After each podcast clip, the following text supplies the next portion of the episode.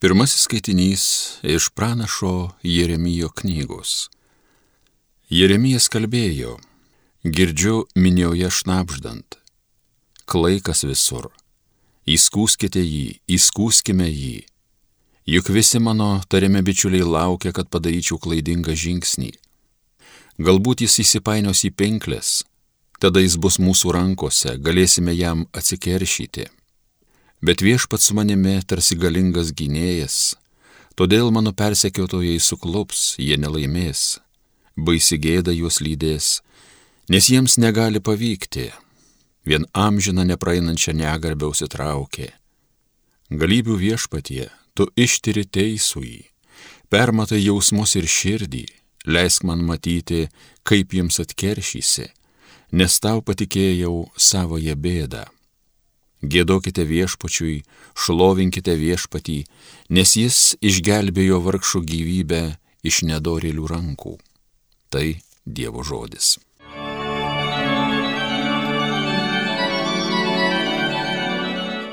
Dieve, būk maloningas, manęs išklausykė. Juk dėl tavęs kentėjau už gaulę ir gėda dengi mano veidą, savo giminėms tapau lyg benamis, svetimas broliams, vaikams mano motės. Uolumas tavo namams lyg ugnis man jie liepsnoja, tau skirtos užgaulės ant manęs krinta. Dieve, būk maloningas, manęs išklausykė. O aš tau viešpatie melžiuosi, būk maloningas Dieve, manęs išklausykė, parodyk savo begalinį gerumą, ištikimą savo pagalbą, atsiliepk man viešpatie, nes gera tavo ištikimoji meilė, pilnas didžio gailestingumo į mane atsigręžkė. Dieve, būk maloningas, manęs išklausykė.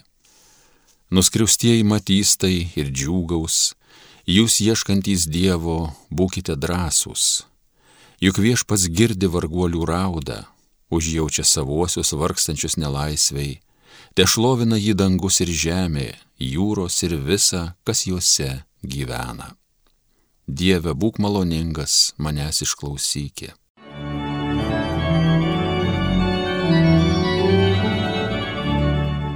Antrasis skaitinys iš Šventojo Paštalo Pauliaus laiško romiečiams.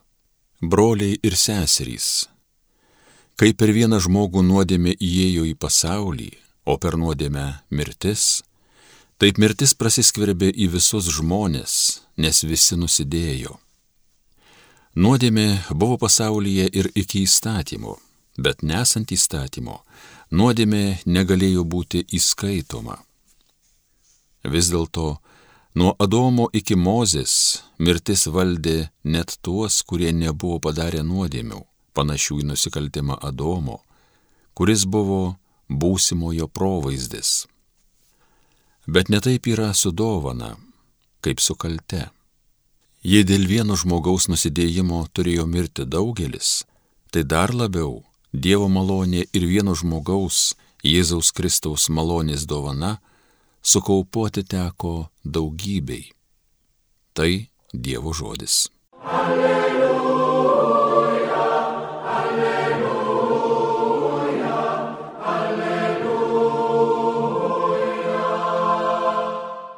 Tiesos dvasia tau liudys apie mane, sako viešpats, ir jūs liudysite.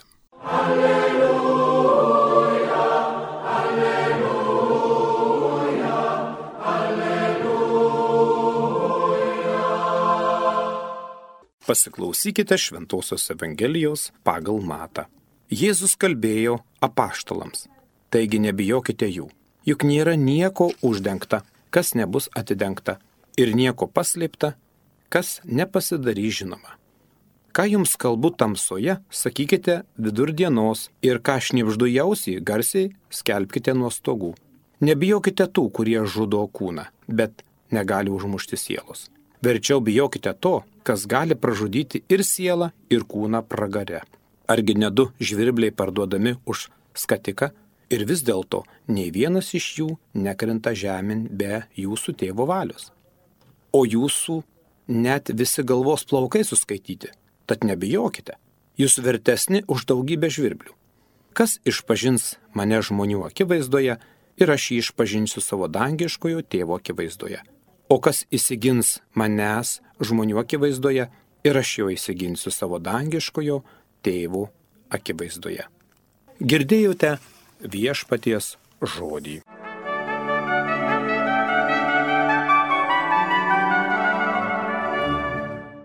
Nebijokite drąsos. Taip Dievas mus nuolat drąsina. Šventajame rašte tokie padrasinimai skamba be ne 365 kartus. Prisiminkime nepasidavusius baimiai Juozapą ir Danielių. Jie buvo tikrai nepaprasti žmonės. Abu sugebėjo gyventi pasaulyje, kuris jiems buvo visiškai svetimas. Juozapas gyveno Egipte, o Danielius Babilone, anometiniuose pasaulinės galios centruose. Bet net atskirti nuo Dievo tautos, jie įstengė gyventi pergalingai tarp stabmeldžių ir pagonių. Viena jų pergalingo gyvenimo priežasčių buvo ta, kad jie gyveno tikėjimu.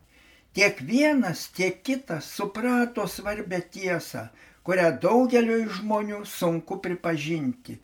Gyvenime yra daug dalykų, kurie yra ne mūsų galioje, bet Dievo valdžioje. Šioje srityje Juozapas ir Danielius pasirodė tiesiog puikiai, nes jie žinojo, kad paskutinis žodis Dievo.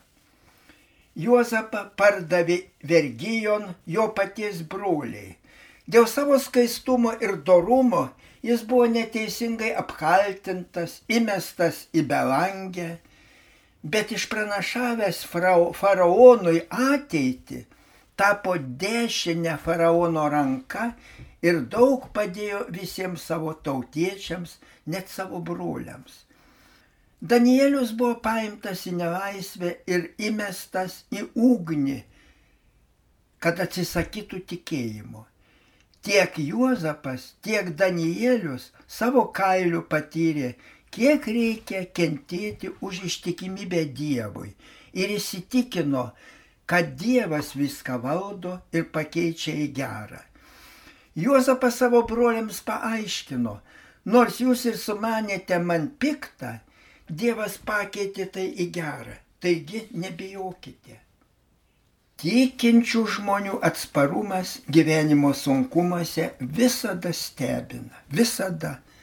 Visi tikriausiai žinome holokaustą. Ypatingai žydams teko kentyti Varšuvos gete. Kai ten žydai sukylo, getas buvo padegtas. Vėliau buvo rastas žydo Joselio Rakoverio raštas ant popieriaus keutelių. Krinta paskutiniai gynėjai, saulė leidžiasi ir aš dėkoju tau Dieve, kad nebematysiu saulės pakylant. Netrukus su savo žmona ir vaikais, kartu su milijonai savo tautiečių, keliausiu į geresnį pasaulį, kur nebebus jokių kankinimų ir abejonių kur tu Dieve vienintelis valdovas esi. Dieve, laikiausi, visada laikiausi tavo įsakymų.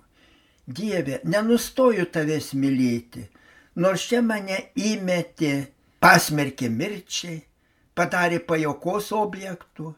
Prisimenu, mano mokytojas, rabi, dažnai pasakojo istoriją apie žydą, kuris su žmona ir su savo vaikais pabėgo nuo ispanų inkvizicijos ir bandė mažu laiveliu audringą jūrą nuplaukti į akmeninę salą.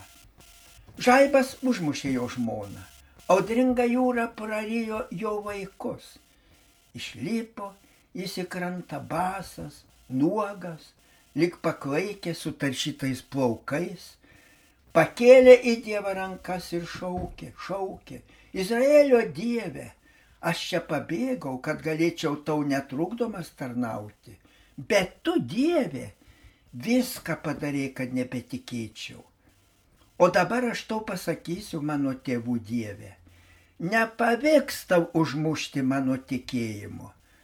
Tu gali mane mušti, gali atimti brangiausius man dalykus, brangiausius žmonės, gali mane plakti iki mirties, vis tiek aš tave visada mylėsiu. Ir pridėjo Josėlis Rakoveris. Tai ir mano paskutiniai žodžiai, tau mano Dieve. Tu Dieve viską padarai, kad tavimi abejočiau. Bet aš mirštu taip, kaip ir gyvenau. Mirštu tvirtame tikėjime.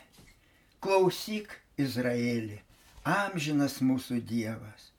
Jis vienintelis mūsų Dievas. Taip kalba žmogus paskutinę gyvenimo valandą prieš baisę mirtį. Kaip tai suprasti? Ar nebūtų buvę daug aiškiau, jei Josėlis Rakoveris būtų suklūpęs ir maldavęs, maldavęs Dievą gelbėti. Rodos reikėjo maldauti Dievą, dėrėti su Dievu, kad išgelbėtų. Juk išgelbėjimas būtų buvęs įrodymas nutolusiems nuo Dievo. Nes kitaip, taip dažnai galvojama, kad Dievas bejėgis ar jo apskritai nėra. Bet Rakoveris sutiko su savo likimu ir tuo pačiu liko ištikimas.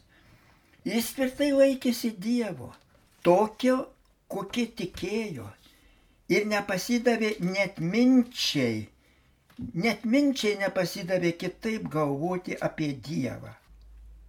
Ar tai nereliginis fanatizmas? Iš Rakoverio žodžių kalba ne fanatizmas, nebeprasmis pasidavimas, bet iki pat šaknų laisvas tikėjimas, kietas kaip akmuo tikėjimas. Tada Varšuvos ugnies audroje Rakoveris tapo tiesiog Jėzaus kančios broliu. Jis kentėjo taip, kaip kentėjo Jėzus. Toks tikėjimas, į kokį Jėzus kviečia, nėra lengvas niekam nėra lengvas ir nėra savaime suprantamas. Juk kai jis pašaukė dvylika mokinių, sakė, kad jiems teks kentėti. Sakė, siunčiu jūs kaip avinėlius taip vilkų. Ir drąsino, nebijokite tų, kurie žudo kūną, o negali užmušti sielos. Ir žadėjo jiems dangų. Žadėjo juos išpažinti dangiškojo tėvo akivaizdoje Jis tai žada visiems, kurie jį išpažįsta. Mėly Marijos radio klausytojai, ne, nebijokite, jis nereikalauja, kad jūs visi mirtumėte už tikėjimą. Ko gero visiems dabar gyvenantiems Lietuvoje neteks mirti kankinio mirtimi. Tad ką reiškia išpažinti į žmonių akivaizdoje? Tai reiškia laikytis Dievo mokymo dorai teisingai gyventi pagal Dievo įsakymus, nuolat melstis, dalyvauti pamaldose. Ypač dorai gyventi, kai matome daugelį nedorai gyvenant, nebesimeldžiant. Mėly Marijos radio klausytojai, būtinai turime pasipriešinti blogiui. Girdime, dabar vis girdime, jog stengiamasi priimti socialinės sąjungos vadinamąjį įstatymą. Ką tai reiškia? Nori, kad būtų pripažinta šeima gyvenant nesusituokus, o susidėjus. Net vyro su vyru šeima, moter su moterimi. Negalime tam pritarti. Turime protestuoti. Negalime būti ramus. Taip pat vis kalba, kad reikia palengvinti narkotikų įsigijimą. Visokių tokių vadinamų įstatymų, žinokime, negali Seimas primti be žmonių pritarimo. Todėl mes tikintieji turime parodyti, kad nepritarėme. Kaip parodyti? Dabar dažnai Lietuvoje rengiami mitingai, organizuojami protestai, turime stengtis visi dalyvauti. Turime pasirašyti protestus, peticijas, turime ginti šeimą, turime ginti vaikų, anūkų ateitį. Mums nereikia kol kas kentėti. Už tas nuodėmės kenčia Jėzus. Jis kankinamas. Prikaltas prie kryžiaus už mūsų nuodėmės, net sudėjuoja. Mano Dieve, mano Dieve, kodėl mane apleidai? Jo dejavimą taip giliai jaučia kunigas poetas Kestutis Trimakas, išplėsdamas Jėzaus matymą, įdėdamas į jo lūpas mintis. Bedievių vieton stojau, prisėmiau jų jų dėmę, ar dėl to šventas Dieve tu mane apleidai? Palaidūnus broliais palaikiau, prostitutę sesim, ar dėl to tu mano Dieve, tu mane apleidai? Rūstis tavo krito ant manęs už juos. Ar dėl to teisusis Dieve tu mane apleidai? Kaltė per didijų, nepakako mano kraujo?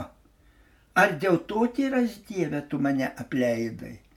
Paskutinį mano kraujo lašą, paskutinį dvasios pūsti, imk už juos, gailusis Dieve, neapleiski jųjų. Bet tavęs nėra gyvio, bet tavęs nėra jųjų, prie savęs meilus Dieve, tėviškai juos glauski. O juos priglaudęs, ar mane atstumsi? Amen.